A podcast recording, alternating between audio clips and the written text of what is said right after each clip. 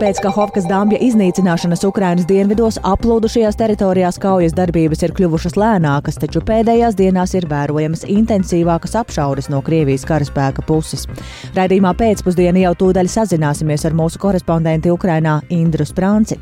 Tiem Latvijā dzīvojošajiem Krievijas pilsoņiem, kas šopavasar valsts valodas eksāmenā ir izkrituši, ir dota iespēja pārbaudi kārtot vēlreiz, taču pagaidām interese ir ļoti zema. Šo situāciju šodien apsprieda Saimas komisijā un raidījumā par to stāstīsim plašāk. Un Polijas dienvidu pilsētā Krakavā šovakar atklāja Eiropas spēles, kurās piedalās arī vairāk nekā 50 sportistu no Latvijas. Šīs vērienīgās sacensības ilgs gandrīz divas nedēļas. Arī par to plašāk tūdaļ ziņu raidījumā pēcpusdiena kopā ar mani Dāci Pēkšēnu.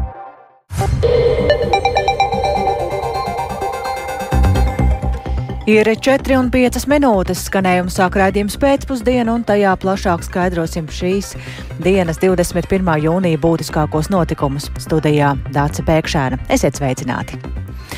Un, kā jau tikko dzirdējām ziņās, tad Rēzeknes tiesa šodien aizdomās par septiņus gadus vecās Justīnas no Rogovkas nonāvēšanu ir lēmusi paturēt apcietinājumā abus aizturētos, un policija ir apstiprinājusi, ka tas ir meitenes tēvs un pamāte. Tiesas sēde beigusies pirms īsa brīža, un tāpēc šajā brīdī esam sazinājušies ar mūsu Latgales studijas kolēģi Ivetu Čigāni. Sveika, Iveta, un saki, tev tik tikko bija iespēja aprunāties ar izmeklēšanas tiesnesi. Saki, kāda ir jaunākā informācija tavā rīcībā? Labdien!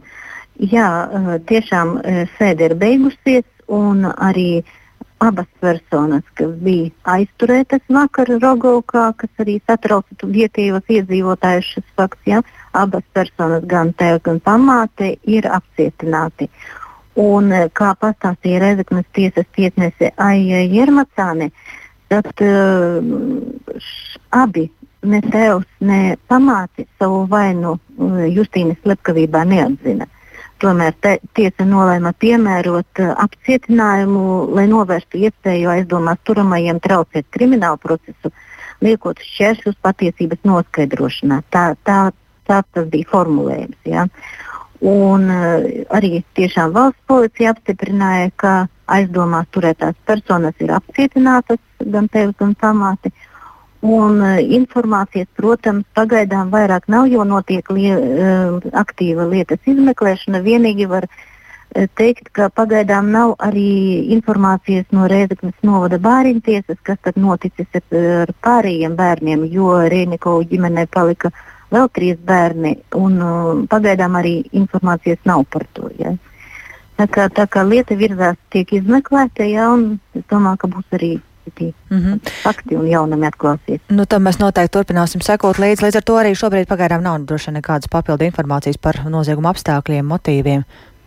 Jā, jā tiesnese tā arī teica, ka pagaidām viņi nevar ne, neko daudz stāstīt, jo notiek aktīva izmeklēšanas fāze un tiesa pagaidām neko nesaka. Paldies kolēģei no Latgales studijas Ivetai Čigānai. Tātad runājām par to, ka Rēzeknes tiesa ir paturējusi apcietinājumā septiņus gadus vecās Justīnes um, aizturētu, apcietinā, non, par nonāvēšanu aizturētos, tātad um, aizdomās turētos. Bet eh, šajā brīdī mēs pievēršamies notikumiem Ukrainā. Pēc Kahovkas dambja iznīcināšanas Ukrainas dienvidos aplūdušajās teritorijās kaujas darbības ir kļuvušas lēnākas, taču pēdējās dienās ir vērojama intensīvāka apšauda no Krievijas karaspēka puses. Tā šodien ziņo Ukrainas bruņotie spēki. Un vairāk par situāciju Ukrainas dienvidos um, runāsim ar Latvijas radio korespondentu Ukrainā Indru Sprānci. Sveika, Indra! Labdien! Jā, šodien Ukrainas bruņoto spēku pārstāve Natālija Gumiņuka preskonferencē pauda, ka Krievija pēdējo dienu laikā arvien intensīvāk atsākusi ap, apšaudas Ņepresā leitecē, un to intensitāte šobrīd līdzinās tiem rādītājiem, kas bija pirms Kahovkas dambja iznīcināšanas, lai arī Kahovkas dambja pāraušana ir nodarījis milzīgas postījumus Ņepres abos krastos, un Krievijas karaspēkam ir nācies pārvietot savas pozīcijas tālāk no ūdens un Ukrainas Ukraiņiem arī ir informācija, ka Krievija šobrīd ierīko jaunus mīnu laukus vietās, kur viņi no, nocietinās. Ja mēs runājam par Ukraiņu pretuzbrukumu, vai kaut kas ir zināms vairāk par to? Šis jautājums, protams, šodien preskonferencē atkārtot tika aktualizēts, un Ukrainas bruņoto spēku pārstāvi arī atkārtot uzsvēra, ka ir jāgaida. Papildus pēdējo dienu jaunumiem atgādināšu, ka Ukraina pēdējo divu nedēļu laikā valsts dienvidos ir atgūsi astoņas apdzīvotas vietas. Nu, papildus tam šobrīd nekāda jauna detalizētāka informācija netiek atklāta par to, kā sokas. Savukārt, ja mēs runājam par plūdus kārtajām teritorijām, tad kāda tur šobrīd situācija? Stabila. Tā to raksto, raksturo Ukraiņas bruņotos spēku pārstāvi. Viņi norādīja, ka šobrīd, tātad divas nedēļas jau pēc dāmbju pāraušanas, vēl joprojām vietām turpinās cilvēku evakuācija. Paklausīsimies fragmentu no Natālijas Gumiņa, kas šodien teiktā продовжується евакуаційна-рятувальна операція в регіоні. Turpinās evakuācijas un glābšanas operācija reģiona labajā krastā. Kreisajā krastā situācija ir daudz sliktāka, jo tā atrodas okupācijā. Bet arī tur bruņotajiem spēkiem laiku pa laikam izdodas sasniegt civiliedzīvotājus un evakuēt viņus.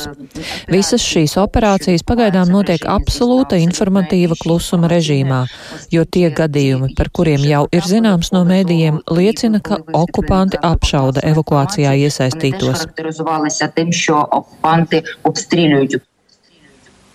Jā, un no bruņoto spēku pārstāvi arī sacīja, ka šobrīd liels izaicinājums sagādā mīnas, kas tiek atnestas pa ūdeni, un tā piemēram Odesas un Mikalājevas apkaimē jau tika piefiksētas deviņas mīnas, un ne visas no viņām iznīcināts kontrolētā sprādzienā, tātad sprāgušas kaut kādu apstākļu dēļ uz vietas.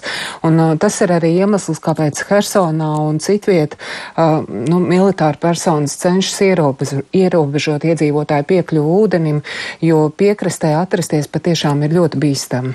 Nu, skaidrs, ka šādā situācijā ir ļoti svarīga arī palīdzība. Kā ir ar humāno palīdzību? Cilvēki to saņem?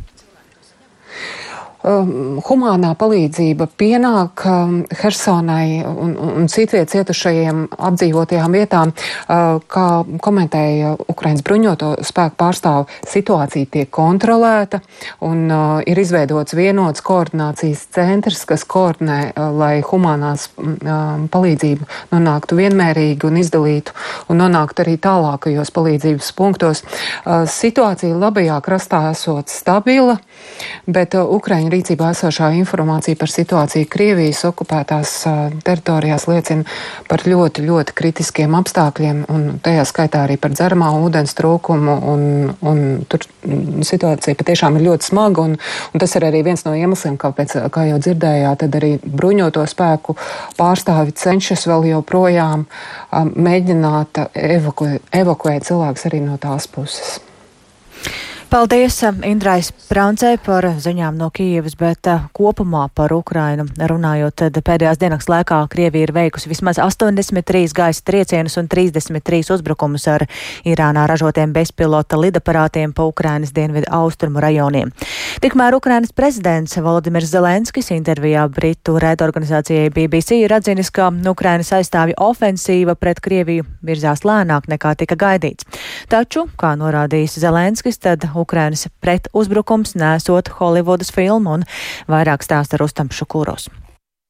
Helsonas apgabala kara administrācijas vadītājs Aleksandrs Prokudins paziņoja, ka Krievija pēdējo 24 stundu laikā veikusi 72 gaisa triecienus Helsonas apgabalam. 15 triecienus Krievija veica Helsonas pilsētai. Tur trāpījumi fiksēti kādai dzīvojamai ēkai, degvielas uzpildes stacijai un divām izglītības iestādēm. Triecienu rezultātā divi cilvēki gājuši bojā, bet vēl astoņi guvuši ievainojumus. Tikmēr Ukrainas bruņoto spēku apvienotā koordinācijas centra dienvidi pārstāve Natālija Humeņuka sarunā ar medijiem atzīmēja, ka Krievijas iebrucēji ir manāmi pastiprinājuši gaisa triecienu intensitāti Ukrainas dienvidos. Це повернення на ті позначки, які були Šī ir atgriešanās pie tādas intensitātes, kāda bija vērojama pirms cilvēku izraisītās tehnogēnās katastrofas Kahokes Hes.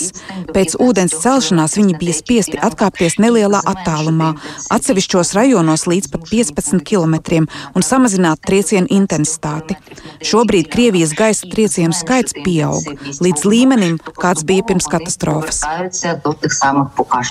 Humiņuka arī norādīja, ka intensitātes pastiprināšanās netraucē Ukrainas bruņotajiem spēkiem iznīcināt Krievijas artilērijas tehniku, kad tiek īstenota tās pārdislokācija. Ukrainas prezidents Volodimirs Zelenskis tikmēr intervijā raidorganizācijai BBC skaidrojis, kāpēc Ukrainas bruņoto spēku ofensīvas temps nav tik ātrs, kā bija cerēts. Zelenskis norādījis, ka daži iztēlojas ofensīvu tā, it kā tā būtu Holivudas filma, un šie cilvēki sagaida tūlītējus pretuzbrukuma rezultātus. Tā nav Holivudas filma, runa iet par cilvēku dzīvībām, uzsvēra Zelenskis. Zelenskis atzīmēja, ka militārais progress nav bijis ātrs un viegls, jo Krievijas okupanti ir mīnējuši 200 tūkstošus kvadrātkilometru Ukrainas teritorijas. Zelenskis arī piebilda, ka Ukrainas aizstāvji virzīsies uz priekšu kaujas laukā tādā veidā, kādu uzskatīs par pareizu.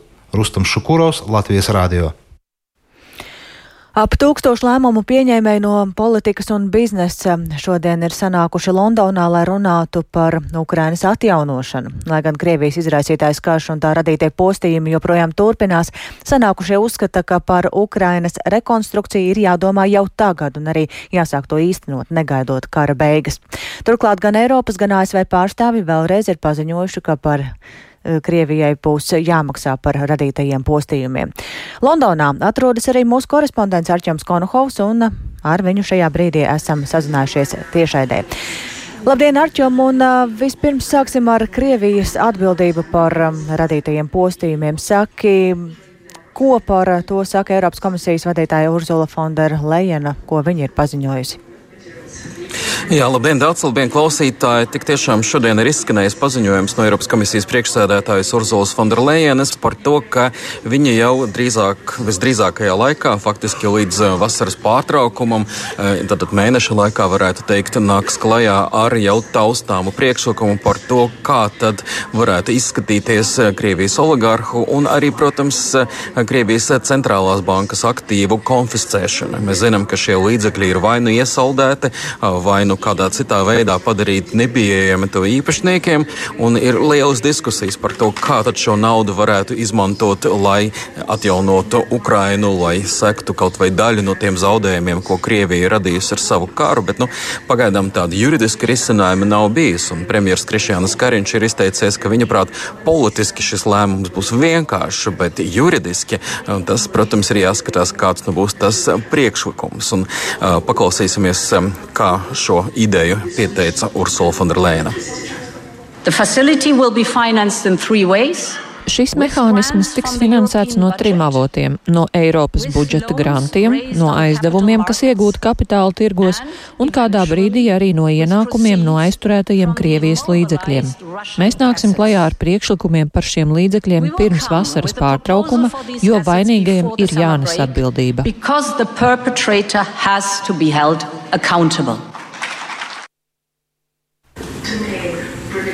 Jā, Arčom, saki, vai ir kādas aplēses, cik varētu izmaksāt Ukrainas atjaunošana pēc kara? Iepriekš Pasaules bankas aplēses vērtījās ap 400 miljārdiem ASV dolāru.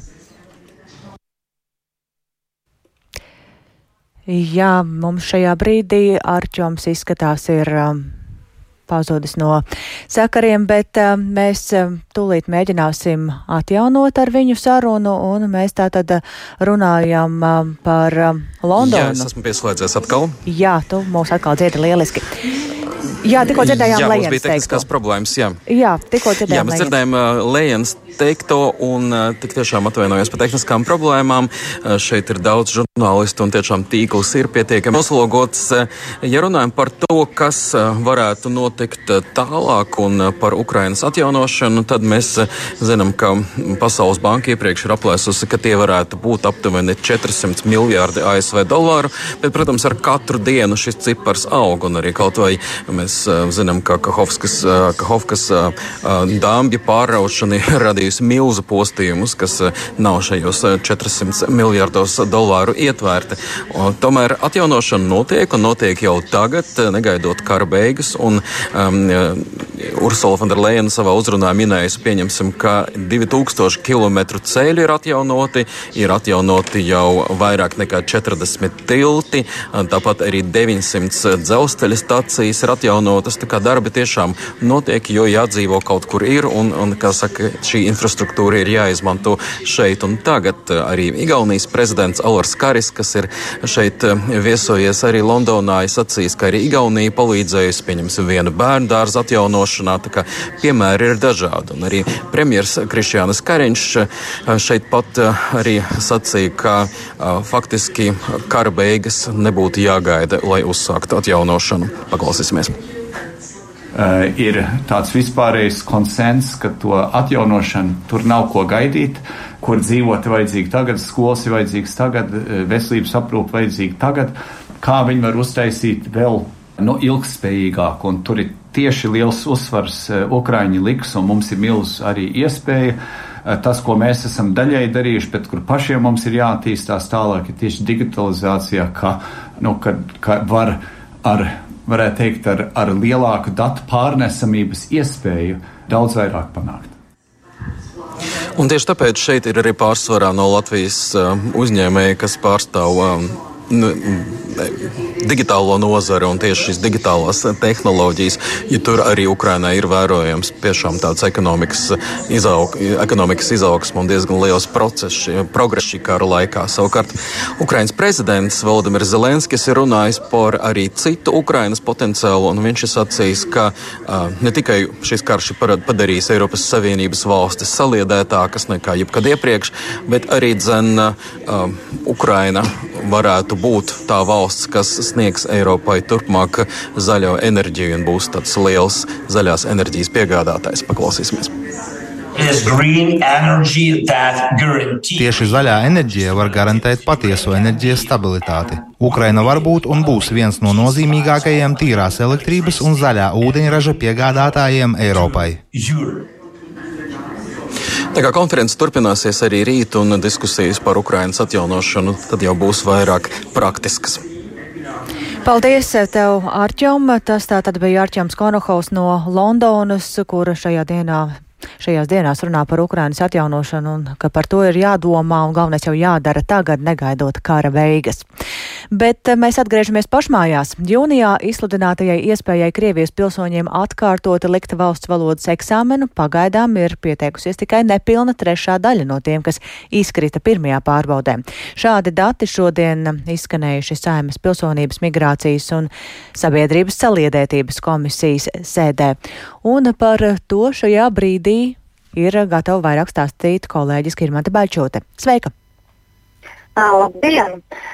No marta līdz māja beigām valsts valodas pārbaudē pieteicās 8393 Krievijas pilsoņi. Viņiem ir jāzina latviešu valoda A2 līmenī. Eksāmens ir sadalīts četrās daļās klausīšana, lasīšana, rakstīt prasme un runāšana. Eksāmenu veiksmīgi nokārtoja 43%, 15% visbiežāk neataisnotu iemeslu dēļ neieradās, bet pārējie izkrita. Tam par galveno iemeslu kļuva tas, ka viņa neprot rakstīt latviešu valodā. Stāsta valsts izglītības satura centra vadītāja Liene Voroņenko. Lielākā daļa nenokārto vienu daļu, kas ir rakstīta prasme. Ir atsevišķos gadījumos, kad mēs varam redzēt, ka varbūt lasīt prasmē varētu būt nu, stabilāks rezultāts, bet rakstīt prasme faktiski gandrīz visos gadījumos ir galvenais aspekts, kāpēc ne, netiek nokārtot. Tad es gribētu teikt, ka droši vien, ka labā lieta ir tāda, ka pie noteiktas sagatavošanās var nokārtot šo prasmi. Tas ir vienkāršs teksts, kas ir jāraksta, Tur ir pieļaujamo kļūdu skaits, ka, un mēs neprasām absolūti perfekti akadēmiski pareizu tekstu.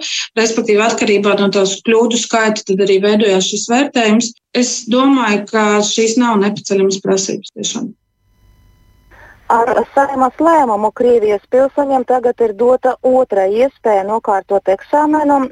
Tam jūnijā pieteicies 1271 Krievijas pilsonis, Apmēram tūkstotis dzīvo Rīgā, pārējie Daugavpilī un Liepājā. Pēc valsts izglītības satura centra datiem daudzi no viņiem vēl mācās latviešu valodu, tāpēc eksāmenu varētu kārtot augustā vai septembrī. Piebildīšu, ka izglītības ministrijā pašlaik um, strādā pie vienotas sistēmas latviešu valodas apguvei pieaugušajiem, uh, ko nākamgad plāno iekļaut valsts politikas pamatnostādnēs. Gapem. Paldies Skirmatai Baičūtei par šo informāciju un atgādināšu tikai to, ka šie valsts valodas eksāmeni ir jākārto, lai iegūtu pastāvīgās uzturēšanās atļauju Latvijā. Bet jūnijas ir arī izlaiduma laiks, un arī šodien daudzās Latvijas skolās ir izlaidumi. Visi centralizētie eksam, eksāmeni ir uzrakstīti, viena rezultātus jau ir noskaidrojuši, citi tos vēl gaida. Kā pagāja eksāmeni, kā tos vērtē skolas un skolēni, un vai ir nācies arī saskarties ar tehniskiem traucējumiem vai varbūt atbilžu noplūdēm. Par to plašāk Agnijas Lazdiņas ierakstā. Eksāmenu sesija skolēniem ir noslēgusies. Šobrīd vien gatavo certifikātus un ievietotos valsts pārbaudījuma informācijas sistēmā. Lai iegūtu apliecinājumu par vispārējās vidējās izglītības apguvi, šogad bija jānokārto latviešu valodas, matemātikas un svešu valodas eksāmens vismaz optimālajā līmenī un divi eksāmeni no 14 piedāvātajiem augstākajā līmenī. Sandija šogad absolvē Bauskas valsts ģimnāzijas 12. klasi. Beidzot 11. klasi viņa optimālajā līmenī nokārtoja eksāmenu matemātikā, savukārt šogad padziļinātajā līmenī latviešu valodas un angļu valodas eksāmenus. Kopumā tieši šī gada eksāmenis domāju, ka bija samērā viegli, priekš tā, ka tie bija padziļinātā līmeņa eksāmeni. Protams, kad uh, mēs kā izmēģinājām trusīšu, mēs nezinājām, kā kas būs. Bet es domāju, ka kopumā par visus varētu likt kāds 8 no 10 balēm tieši par to eksāmenu uzbūvi. Līdzīgās domās par šī gada eksāmeniem ir arī Sandijas klases biedri. Es zinu to par uh, matemātiku, ka daudzi bija sašutuši un daudziem likās ļoti sarežģīti. Pa latviešu valodu un pa angļu valodu, cik es no klases biedriem uzzināju, likās nu, salīdzinoši viegls. Neteiksim, ka bija ļoti grūts, neteiksim, ka bija ļoti viegls. Bija savi knifiņi, bet nebija tā, ka izēja ārā raudādams ar saķertu galvu par to, ka tu šaubies vispār, ko tas 12 gadu laikā iemācījies. Tik traki nebija. Bez ierastā eksāmenu kārtošanas formāta šajā mācību gadā vidusskolēni kārtoja arī trīs centralizētos eksāmenus tiešsaistē - programmēšanā, geogrāfijā un arī kultūrā un mākslā. Rīgas valsts trešās ģimnāzijas direktors Andris Priekulis uzsver, ka ir prieks, ka pāriet uz tiešsaistes eksāmeniem, jo tas atvieglojot administratīvo slogu. Skolēni paši elektroniski piesakās eksāmeniem, un arī skolai vairs nav ne jādodas pakaļ aploksnei, kurā ir eksāmena uzdevumi papīra formā, ne arī darbi jānogādā atpakaļ trīs eksāmeni, kur samazinās administratīvais sloks. Par to tiešām ir uh, gandarījums. Mēs noadministrējām labi, mums pietika gan interneta jaudas, gan pārraides ātrums, kā arī tehnika bija pietiekami moderna, lai skolniekiem nerastos šeit problēmas lai viņi varētu vairāk domāt par saturu, nevis uztraukties, ja uzkarās tehnoloģijas. Direktors gan norāda, ka ir arī mēģināts veikt tādu kā IT ekspertīzi, lai noskaidrotu, vai pati skola ir spējīga nodrošināt kvalitatīvu interneta savienojumu un būt pārliecināta, ka tehnisku traucējumu gadījumā skolas pusē nav problēmu. Arī valsts izglītības satura centrs piekrīt, ka šī mācību gada eksāmenu sesija noteikti ir bijis izaicinājums visām iesaistītajām pusēm, jo tik būtiskas izmaiņas ierastā kārtībā esot ne tikai ārkārtīgi grūti ieviešamas, bet arī prasot daudz resursu. Kā skaidro valsts izglītības satura centra pārstāve Liena Bērziņa, problēma situācijas izvērtēs, lai pieņemtu lēmumu, kādi eksāmeni nākamajā gadā būs jākārto tiešsaistē. Ja runājam par eh, to tiešsaistes eksāmenu norisi, kas šajā mācību gadā notika valsts pārbaudījuma informācijas sistēmā, jā, tad uz noslēdzošo tiešsaistes eksāmenu bija daļa izglītības iestādes, kurām vajadzēja eksāmenu sākumu atlikt par divām stundām, proti eksāmenu sākums bija plānots desmitos, tad uh, eksāmens sākās 12. un jā, tur ir identificētas arī šīs tehniskās problēmas, jo eksaminācijas procesu apkalpo vairāk serveri, bet attiecīgi ar vienu no šiem serveriem bija radusies problēma, bet tā tika tūlītēji atrisināta 15 minūšu laikā, bet, lai nodrošinātos pret tālākiem riskiem, šis sākuma laiks tika pārlikts par divām stundām. Tāpat Bērziņa norāda, ka saistībā ar eksāmenu atbilžu noplūdēm viss ir bijis salīdzinoši mierīgi un lieli pārkāpumi nav veikti. Piemēram, kāds skolēns eksāmena laikā internetā ievietojas eksāmenu uzdevumus, tā lūdzot pēc palīdzības tos aizpildīt. Agnija Lazdiņa, Latvijas radio. Un papildinot Agnijas teikto, tad jāpiebilst, ka certifikāti par vispārējo vidējo izglītību elektroniski būs pieejami 11. jūlijā. Tiesa šajā brīdī esot konstatēti tehniski traucējumi piekļuvē centralizēto eksāmenu rezultātiem 9. klasēm. Izglītības ministrijā saka, ka tas esot saistīts ar traucējumiem datu sinhronizācijā starp platformām, kam ir jānodrošina iespēja piekļūt šiem rezultātiem.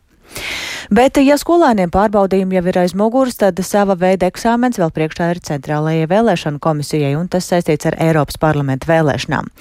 Būtisku problēmu Eiropas parlamenta vēlēšanu sagatavošanā nav, tā secina Centrālās vēlēšanu komisijas vadība un Saimas valsts pārvaldes un pašvaldības komisijas deputāti. Lai noturētu Eiropas parlamenta vēlēšanu norisē iesaistītos darbiniekus, ir plānots celt viņu atalgojumu.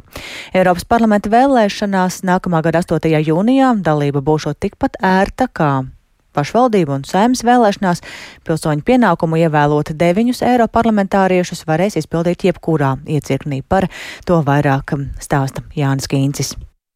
Ar valdības apliecinājumu par papildu finansējumu Eiropas parlamenta vēlēšanu elektroniskā tiešsaistes reģistra nodrošināšanai dalība vēlēšanās būs tikpat vienkārša kā pēdējās pašvaldību un saimnes vēlēšanās.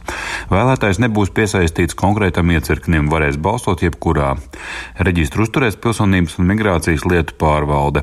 Vēlēšanu rezultātu apkopošanā gan būs solis atpakaļ, jo vēlēšanu iecirkņu rīcībā nebūs cita informācijas tehnoloģija rīka vēlēšanu vadības sistēmas. Tas nozīmē, ka visus balsojumus būs jāskaita bez vēlēšanu zīmju ieskanēšanas datorā. Centrālās vēlēšanu komisijas sekretārs Ritvars Eglājs šo vēlēšanu procesa sadaļu komentēja sekojoši. Protams, būs ķēpīgāk, būs grūtāk. Lietas, kas bija varbūt iepriekš tika risināts automātiski, tad būs jāpārbauda ar vairāk cilvēkiem un ar aci. Varbūt pats svarīgākais ir rezultātu noteikšana un balsu skaitīšana. Ko nozīmē skaitīt ar rokām? Eiropas parlamenta vēlēšanās ir aptuveni pusotru reizi zemāka aktivitāte nekā saimnes vēlēšanās. Līdz ar to darba ir mazāk. Centrālā vēlēšana komisija vēl līdz jūnija beigām precizēs finansējumu aprēķinu Eiropas parlamenta vēlēšanu nodrošināšanai. Pašreizējās aplēses liecina, ka tam vajadzēs 5,3 miljonus eiro. Paredzēts, ka vēlēšanu nodrošināšanai vajadzēs teju 8500 amata vietu. Plašākās izmaiņas iecerētas iecirkņu darbinieku atalgojumā. Minimālo stundas likmi paredzēts celt no 6 līdz 9 eiro. Tāpat arī palielināt ēdināšanai paredzēto finansējumu. Tādējādi cer noturēt cilvēkus vēlēšanu iecirkņos un to komisijās. Apmierināts ar šādu virzību ir arī Rīgas pilsētas vēlēšana komisijas priekšsēdētājs Māris Zviedris stundas likme vienmēr ir bijusi tik zema, ka privātajā sektorā strādājušie reti, kurš raujās uz strādāšanu vēlēšanu komisijā. Šī 9 eiro likme tagad ir tik konkurētspējīga, ka cilvēkus uz Eiropas parlamentu vēlēšanām mēs viegli dabūsim. Ja? Ja tas ir vidējais atalgojums valstī, nu, tad tam būtu jābūt konkurētspējīgam, protams. Komisijas deputātu plašākas pārunas izvērtās par plānu Eiropas parlamenta vēlēšanu laikā nomāt vietāluņus, kuros izmantos programmatūru vēlētāju elektroniskā reģistra piekļuvēji. Tas izmaksātu ap pusmiljonu eiro, un šāds risinājums izvēlēts pirmkārt datu drošības dēļ, jo telefonos nebūs liekas programmatūras, un tie būs aizsargāti pret vīrusiem un citiem apdraudējumiem. Pie frakcijām nepiedarošais deputāts Oļegs Burovs gan uzskata, ka pusmiljons eiro viettelefonu nomai ir pārāk pārāk liela summa. Savukārt Ingmārs Līdaka no apvienotā saraksta uzsvēra datu drošības aspektu. Motivēt, kā izterēt pusmiljonu, tur maksā nav nekad. Bet tas ir ļoti labs bizness tiem, kas iznomā. Man ir jautājums, vai nav tā, ka reāli vairākie komisijas locekļi lieto savus personīgus tālruņus? Nu, katram privātam telefonam ir diezgan gara un raiba pagātne. Drošības dienas vienmēr ir ļoti piesardzīgi attiecībā uz kaut kādām iespējām ietekmēt vēlēšanu teiksim, gaitu un rezultātu. Ja. Es atceros, ka katra lauka tante vai neteiksim, ar savu mobilo telefonu, kurš, kurai nu kāds ir, tur mēģinās rīkoties un, un programmatūras vadīt iekšā. Es tiešām negalvoju, ka tas rezultāts būs labs. Nākamā gada 8. jūnijā notiekošajās Eiropas parlamenta vēlēšanās būs jāievēl deviņi Eiropas parlamenta deputāti no Latvijas. Jānis Kincis, Latvijas radio. Tas tātad par nākotni, bet tagad par to, kas mūs sagaida jau pēc nedaudz vairāk kā nedēļas. Tieši tik daudz ir atlicis līdz dziesmu un deju svētkiem. Tiem reģistrējušies vairāk nekā 40 tūkstoši dalībnieku, un kā šorīt programmā labrīt kolēģiem Sintijai Ambotai un Kristapam Feldmanim sacīja svētku izpildu direktore Daina Markova, lielākā daļa darbu ir izdarīti, atlikuši vien daži noslēdzošie. Vienlaikus jāņem vērā, ka galvaspilsētā ieradīsies ļoti daudz cilvēku, līdz ar to arī transporta ziņā būs izaicinājumi, bet, nu, tiekot viss darīts, lai tos mazinātu. Tāpēc arī gan svētku dalībnieki, gan arī apmeklētāji aicināti galvenokārt izmantot sabiedrisko transportu, mazinot automašīnu plūsmu pilsētā. Paklausīsimies Markovs teikto. Jo gan dalībniekiem būs šī īpašā transporta biļete, ko viņi visi saņems bez maksas, bet arī rīznieki varēs iegādāties šādu biļeti par īpašu cenu, par 10 eiro šim periodam, uz 10 dienām. Mēs arī esam iekārtojuši pie lielākajām svētku norišu vietām īpašas mikromobilitātes punktus, kas ir arī jaunums atšķirībā no iepriekšējās reizes, jo arī mūsu dzīvesveids ir ļoti mainījies. Pa šiem pieciem gadiem daudz vairāk cilvēku brauc ar ritiņiem un izmanto šos mikromobilitātes rīks, ar kuriem gan mēs gribētu aicināt saprātīgi pārvietoties, novērtēt savas spējas un nebūt pārgalvīgiem. Cerēsim, arī esam runājuši ar, ar valsts pārvaldu, ka varbūt ka šīs dienas varētu būt attālināti darbi mm. maksimāli, kuriem tas būtu iespējams. Vienkārši mašīna, lai ir mazāk Jā. uz ielām. Vēl mazliet runājot par drošības aspektiem, kā par šo domāt šajā reizē? Mums ir izplānoti tātad visi šie mediķu atrašanās punkti. Pirmo reizi būs tāda situācija, ka arī uz estrādes būs divi punkti kur atradīsies mums mediķi.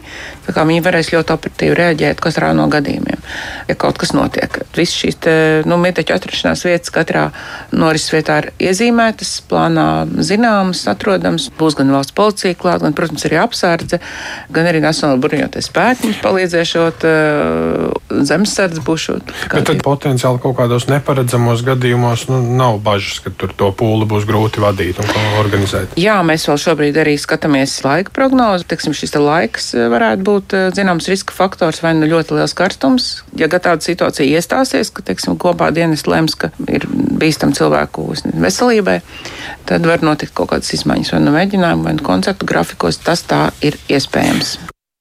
Tik tālu svētku izpildu direktore Daina Markova, bet tik tikko no Smilģa teātra muzeja ir atgriezusies kolēģi Baiba Kušķe. Noslēdzot šī gada teātra sezonu ir paziņoti nominanti Spēlmaņu nakts balvām aizvedītajā teātra sezonā. Sveika, Vaiba! Tu burtiski tikko esi ieskrējusi studijā. Jā, kas tev zināms un kas šogad ir līderos? Jā, labdien! Tātad tiešām tikko ir nosaukti pretendenti 15 nominācijās Spēlmaņu naktī līderos jau otro gadu atkal ir Valmieras teātris. Eh, šķiet, ka pērn viņiem bija 19 nominācija, tad šogad ir pāri 20. Es vēl neesmu izskaitījusi, bet aptuveni tā. Un uz pēdām tam seko Dailas teātris.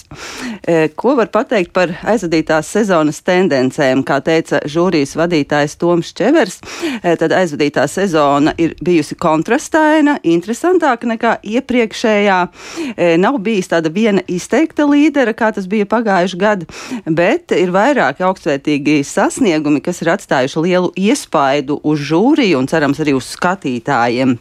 Kādi tad bija tie žūrijas vērtēšanas kritēriji? Tā tad inovācija un drosme, kas uh, virza uz priekšu teātra procesu, dzelžaina profesionalitāte un arī sociālā aktualitāte. Un savukārt tendences, eh, kas šoreiz iezīmējās, eh, nebija tik daudz tādu formu, formas izrāžu, bet izkristalizējās vairāk tādas trīs tēmas. Un, e, pirmā - sociālās realitātes atspoguļošana. Teātris nevis kā patvērums, bet jā, teātris nu, kā tāds norišu atspoguļotājs sabiedrībā. Otrā tēma - vardarbība ģimenē un sabiedrībā kopumā. Un trešā tēma - sieviešu jautājums 21. gadsimtā, sieviešu pašnoteikšanās un apzināšanās, un arī tādi personiskie stāsti. Tātad, kā kopumā teica Toms Čevers, tātad viela domāšanai uh, un iztēlei un fantāzijai ļoti lielā vērienā. Jā, tā tad balvas 15, eh, eh, kate, nosaukti pretendenti 15 kategorijās. Un tāda interesanta lieta, kas šogad pavadīja spēlmaņu nakti, ir, ka parasti ir arī skatītāju balsojums, bet parasti Skatītāji var balsot par tām izrādēm, ko izvirza žūrija, bet šoreiz pirmoreiz būs tā, ka skatītājiem pašiem ir iespēja izvirzīt izrādes, kas viņiem ir patikušas, un būtībā to jau var darīt tagad. Eh, tas ir portālā izrādes LV. No, šķiet, no 1. māja jau to var darīt, un es skatījos, ka mazliet jau var paskatīties, kas iezīmēs līderos, un šobrīd līderos iezīmējas izrāde ar bāles kurpēm Sibīrijas sniegos Rīgas Krievu teātrī. Un eh, no, akti, no aktrisēm eh, iezīmēs Ieva Segliņa kā līdere. Nu, Bet tas balsojums vēl turpināsies labu laiku. Tad. Turpināsies līdz mm. rudenim, un savukārt pēc tam būs tā, ka desmit tās izvirzītās izrādes, ko skatītāji būs izvirzījuši, e, sacentīsies savā starpā, un tad jau tas balsojums būs portālā LSM. Paldies, ka ieskicēji um, jaunumus spēlmeņa nakts nominācijās, un tātad vairāk par to visu tad arī dzirdēsim no tevis rīt. Ja? Jā, rīt no rīta kultūras sižeta laikā es stāstīšu plašāk. Paldies, Baibai Kušķei, bet mēs turpinām ar sportu no spēlmeņa nakts pie sporta spēlēm. Polijas dienvidu pilsētā Krakovā šovakar atklāja Eiropas spēles, un tajās piedalīsies vairāk nekā 50 sportistu no Latvijas. Un pati atklāšanas ceremonija Krakovas pilsētas stadionā sāksies šovakar pusdesmitos vakarā, un šīs vērienīgās sacensības ilgs gandrīz divas nedēļas. Bet, um, lai uzzinātu plašāk par gaidāmo sporta fórumu, tad man studijā šobrīd līdzās ir pievienojies arī kolēģis Reinis Grunspēģis. Sveiks, Reini! Un, um, jā, ņemot vērā to, ka Eiropas spēles ir diezgan jauns sporta pasākums, notiks tikai trešo reizi. Izstāsti nedaudz vairāk par to, kas šīs īsti ir par sacensībām. Jā, sveika, Dārts, sveicināti klausītāji.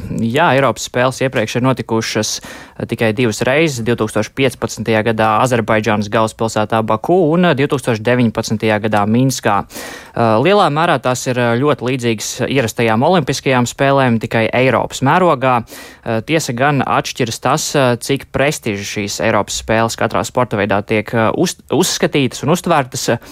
Sporta veidu skaits arī ir nedaudz mazāks nekā olimpiskajās spēlēs - 29 deviņi sporta veidi, taču sportisti no visas Eiropas piedalīsies teju 7000. Svarīgi pieminēt, ka Krievija un Baltkrievija nepiedalīsies. Latvijas delegācijā ir 56 sportisti, 16 sporta veidos. Dažas sacensības jau ir sākušās vakar un arī šodien norisinās, bet jā, tā tad oficiāla atklāšanas ceremonija ir šajā vakarā un tajā piedalīsies, piemēram, Eirovīzijas uzvarētāji no Ukrainas grupa Kaluš. Jā, nu kā mūsu sportisti ir iejutušies jau Krakovā un ko mēs varam vispār teikt par to organizatorisko līmeni līdz šim? Jā, lai to noskaidrotu, es šodien sazinājos ar uh, Latvijas delegācijas preses atašeju šajās Eiropas spēlēs uh, Maritu Vilciņu.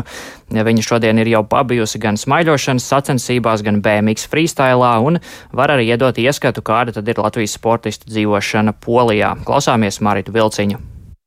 Lielākā daļa atlētu jau paši pirmie, kas ieradās jau svētdien Krakovā, organizatori ir izveidojuši tādus spēļu ciematiņus, līdzīgi kā tas parasti ir arī Olimpiskajās spēlēs, bet diezgan tā demokrātiski, ka, teiksim, iedzīvotāji vietējie un tā vide nav ļoti ietekmēta. Mums ir arī ļoti laba tā lokācijas vieta, tuvu gan pētnīcai, gan arī tieši pretī mūsu mājai ir gan uh, vingrošanas un trenažieru zāle komplekss, kas ir tikai pirms nedēļas tikko nodots eksploatācijā, un arī peldēšanas basēns. Un turpat arī ir, teiksim, metpunkts, nu, tā, tā kā tas vietējais. Tālāk Latvijas delegācijas preses atšais Marita Vilciņa. Jā, tā tad diezgan kompakti viss un viegli sasniedzami. Eh, vienīgi paši sportisti, kas ir augumā garāki, virs 1,80 m, eh, atzina, ka divstāvīgās gultas viņu istabiņās ir pārāk īsas un kājas nāks turēt eh, pāri gultas malai, bet kopumā liela pretenzija nav, tajā skaitā arī par ēdināšanu, kas ir ļoti daudzveidīga.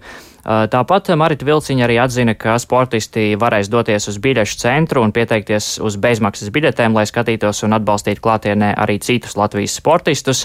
Tas esot bijis diezgan aktuāls jautājums vakar delegācijas iekšienē.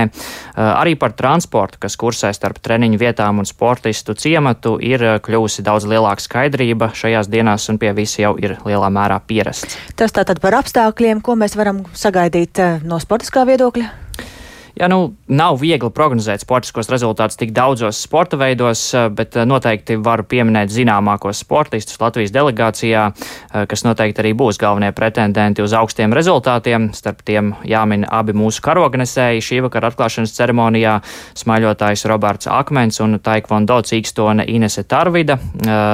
Tāpat Marita Vilciņa izteicās, ka saista cerības ar šāvējiem Lauris Trautmani un Emīlu Vasermani, kuriem rīt sāks sacensības. Mm, tāpat Latvija ir pārstāvēta arī ar abām 3 pret 3 basketbola izlasēm, gan vīriešiem, gan sievietēm. Turklāt vīriešu komandā spēlē nu pat pasaules kausā bronzu izcīnījušais Francis Lācis. Piebildīšu to, ka iepriekšējās Eiropas spēlēs Latvija izcīnīja septiņas medaļas, no tām divas zelta un medaļu kopvērtējumā ieņēma 27 septīto vietu, bet eh, no pirmajām Eiropas spēlēm pārbrauc mājās ar trim medaļām. Līdz ar to noteikti, ka medaļas varam gaidīt. Mm -hmm. Paldies Rēnim Grunspēņķim. Tātad divas nedēļas mums jāturpina sekot līdzi notiekošajiem Polijā un mūsu sportistu sniegumam, bet ar to šajā brīdī izskan ziņu raidījums pēcpusdiena. To veidoja Dāca Pēkšēna un Ilza Agīnta, kā arī Kaspars Groskops un Katrīna Bramberga. Ja gadījumā vēlaties pārraidi noklausīties vēlreiz, vai varbūt dalīties ar to ar citiem, tad to noteikti var atrast arī Latvijas radio mobilajā lietotnē, kā arī pēc tam nedaudz vēlāk arī lielākajās raidierakstu platformās meklējot dienas ziņas. Tāpat arī mūsu ziņas sabiedrisko mediju portālā LSMLV.